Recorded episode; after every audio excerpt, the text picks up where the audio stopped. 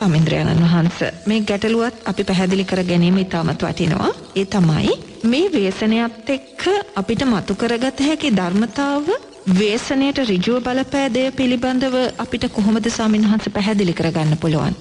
මෙහෙමනේ දරුවෝ අපිට අකුසලයක් විපාක දෙනවා කියන කාර්යය මන් දැන් මතක් කලානේ ඒක මතක් කිරීමක් නෙමේ මේ ඒහි පස්සිකෝ බලනවා ඒක බබලන දෙයක් මම මේ කියන්නේ නමුත් අපිට ඒක තේරුම් ගන්න බැරනම් අපි ඇගිල්ල දික්කනම් කොරෝනාවට නම් නැත්තං රටේ නායකත්වයට නම් නැත්තං වෙන වෙන කණ්ඩායම් මොල්ට නම් ඒකැන අපි ප්‍රශ්නය ධර්මානුකූලෝ තේරුම් අරගෙන නැහැ. එනිසා රටේ රාජ්‍ය නායකතුමාගේ පටන් අවසාන මානසික පීඩාවට පත්වෙලා තියෙන ජනතාව දක්වාම නෝනා මේ ප්‍රශ්නය වග උත්තරකාරයෝ බවට පත්වෙලා ඉවරයි.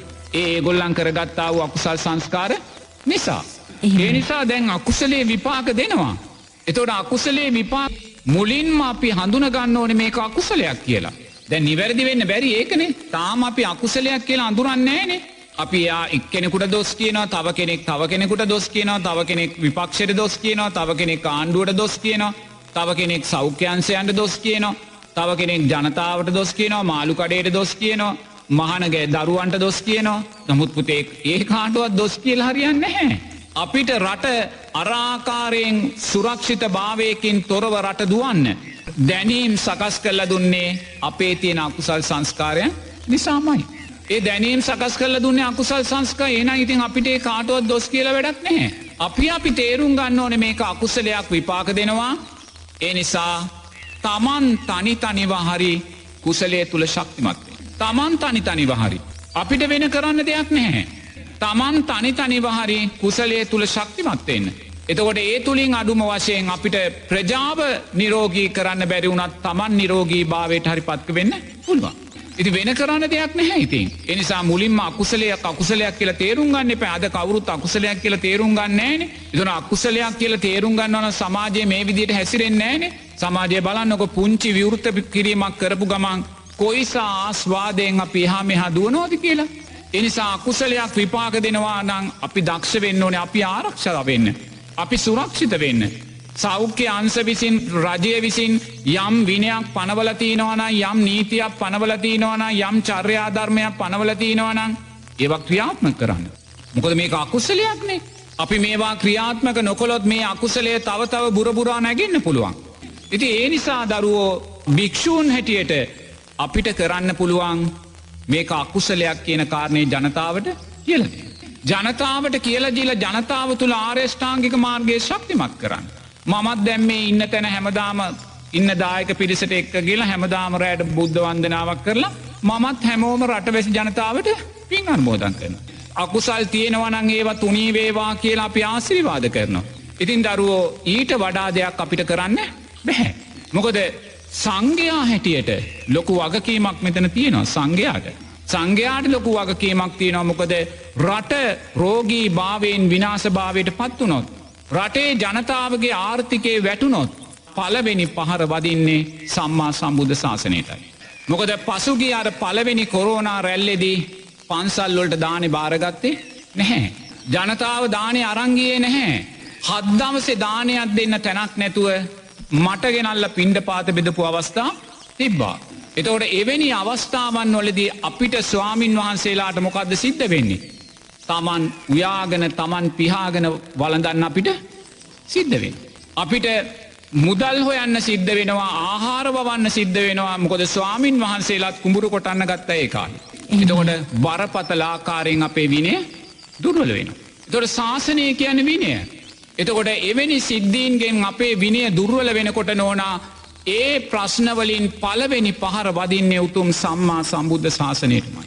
ඒ නිසා රජයට වඩා වගකීමක් අපිට තියෙනවා. අපි ජනතාවගෙන් චන්දඉල්ලල නෑ. අපිට ජනතාව චන්ද දිහිලත් නෑ. නමුත් චන්ද ඉල්ලන්නේ නැතුව චන්ද දෙන්න ඇතුව මේ උතුම් සංගරත්නය අවුරුදු දෙදා සයිසීයක් මේ ශාසනය ආරක්ෂා කලතිී නොනෝන. ශාසනය ආරක්ෂා කලතිනවා. ශාසනය ආරක්ෂා කළේ ලෝකයාට කුසලය කුසලය හැටියටත් අකුසලේ අකුසලය හැටියටත් මතු කරලා පෙන්නලා.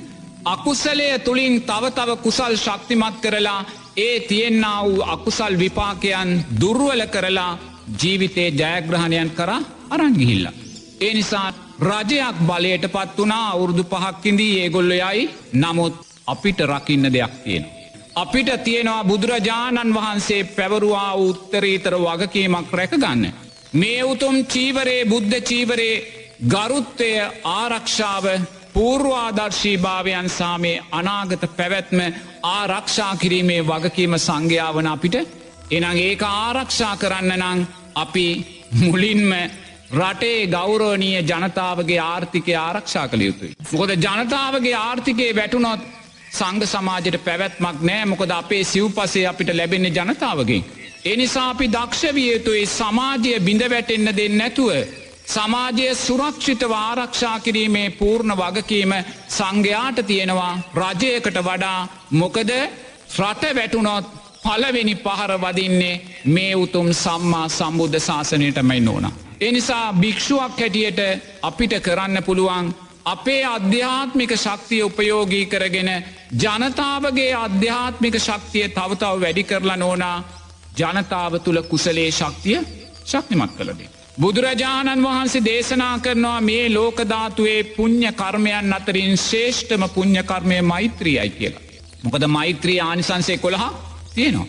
මෛත්‍රී ආනිසන්සේ කොළහක් තියෙනවා. එහෙනම් මෛත්‍රිය තරන් ශේෂ්ඨ පින්කමක් නෑ කියලා බුදුරජාණන් වහන්සේ දේශනා කරන. ඒ වගේමයි නැවත බුදුරජාණන් වහන්සේ දේශනා කරනවා කෙනෙක් මොහොතක් අනිත්‍ය සංඥාව වැඩුවොත්. මේ රූපය අනිත්‍යයි කියලා මොහොතක් වැඩුවොත්. මේ වේදනාව අනිත්‍යයි මේ රූපය මේ කොරෝනාව නිසා දුක්විදින්නා වූ අප්‍රමාණ මනුස්ස රූපයන් අනිත්‍යයි කියලා කෙනෙක් දැක්කොත්. කොරෝනාවට බයවෙන්නැතුව කොරෝනාව දැක්කාම දුවන්නැතුව කෙනෙක් කිඹූමක් යනකොට ගැටෙන්නේ නැතුව කෙනෙක්ගේ වැරදි චර්යාවක් දකිද්දි ගැටෙන්නේ නැතුව එයා මොහොතක් දැක්කොත් ඒ රෝගයා නැත්තන්ගේ පින්වතා සතර මහා ධාතුවක් හැටියට යා මොහොතක් දැක්කොත්. දෙතිස් කුණුපයක් හැටියට මොහොතක් දැක්කොත්.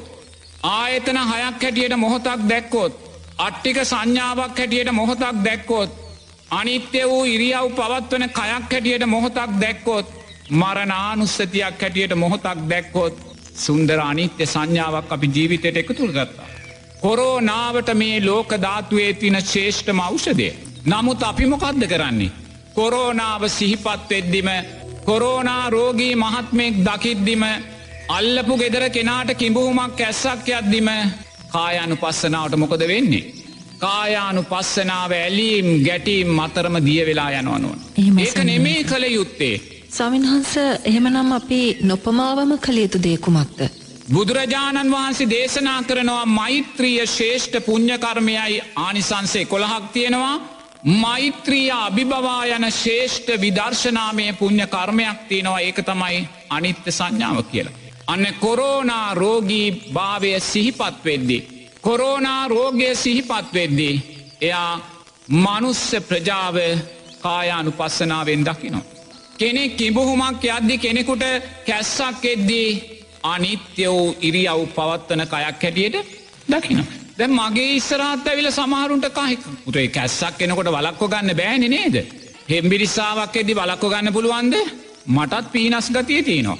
මටත් ගෑස්ටික් වැඩි වුණ වෙලාට එක පාටක බූන් යනක ස්භාවය නමුතුතේ ඒවා වලක්වන්න අපිට බැහැ.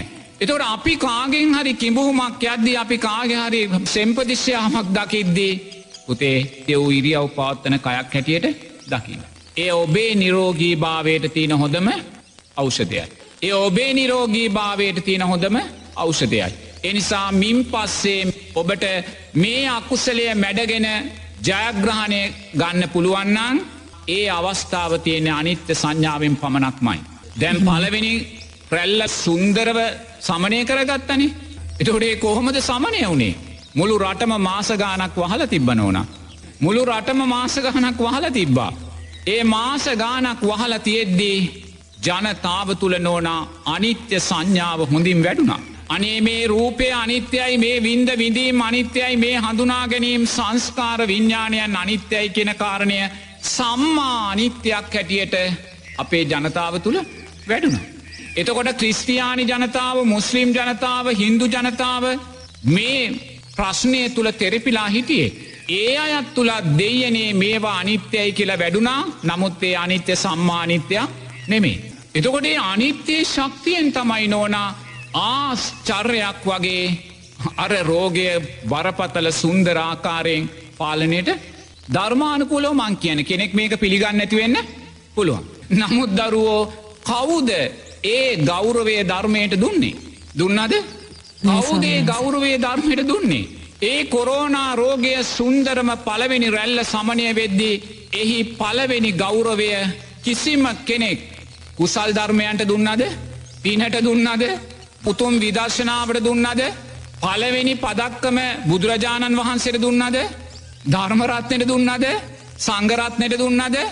පදක්කම් දීගත්ත පුතේ වෙන වෙන අයට.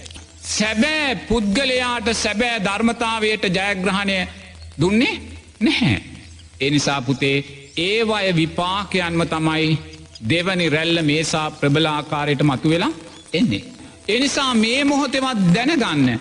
හෙට දවසේ මේ කොරෝනා රැල්ල දමනය වුණොත් පරාජය වුණොත් අඩුවනොත් එහි පලවෙනි පදක්කම ඔබ දිය යුත්තේ උතුම් ධර්මරත්නයටමයි. ලොකුතුරා බුදුරජාණන් වහන්සේටමයි ඒ මහා සංගරත්නය සතු උතුම් අධ්‍යාත්මික ශක්තියටමයි ඒ උතුම් විදර්ශනාත්මක දැක්ම තමයි ජනතාව තුළ සකස් වන කුසල් ධර්මයන්ටමයි ඉන් පස්සෙ තියන පදක්කං ඕන කෙනෙකුට දීගන්න.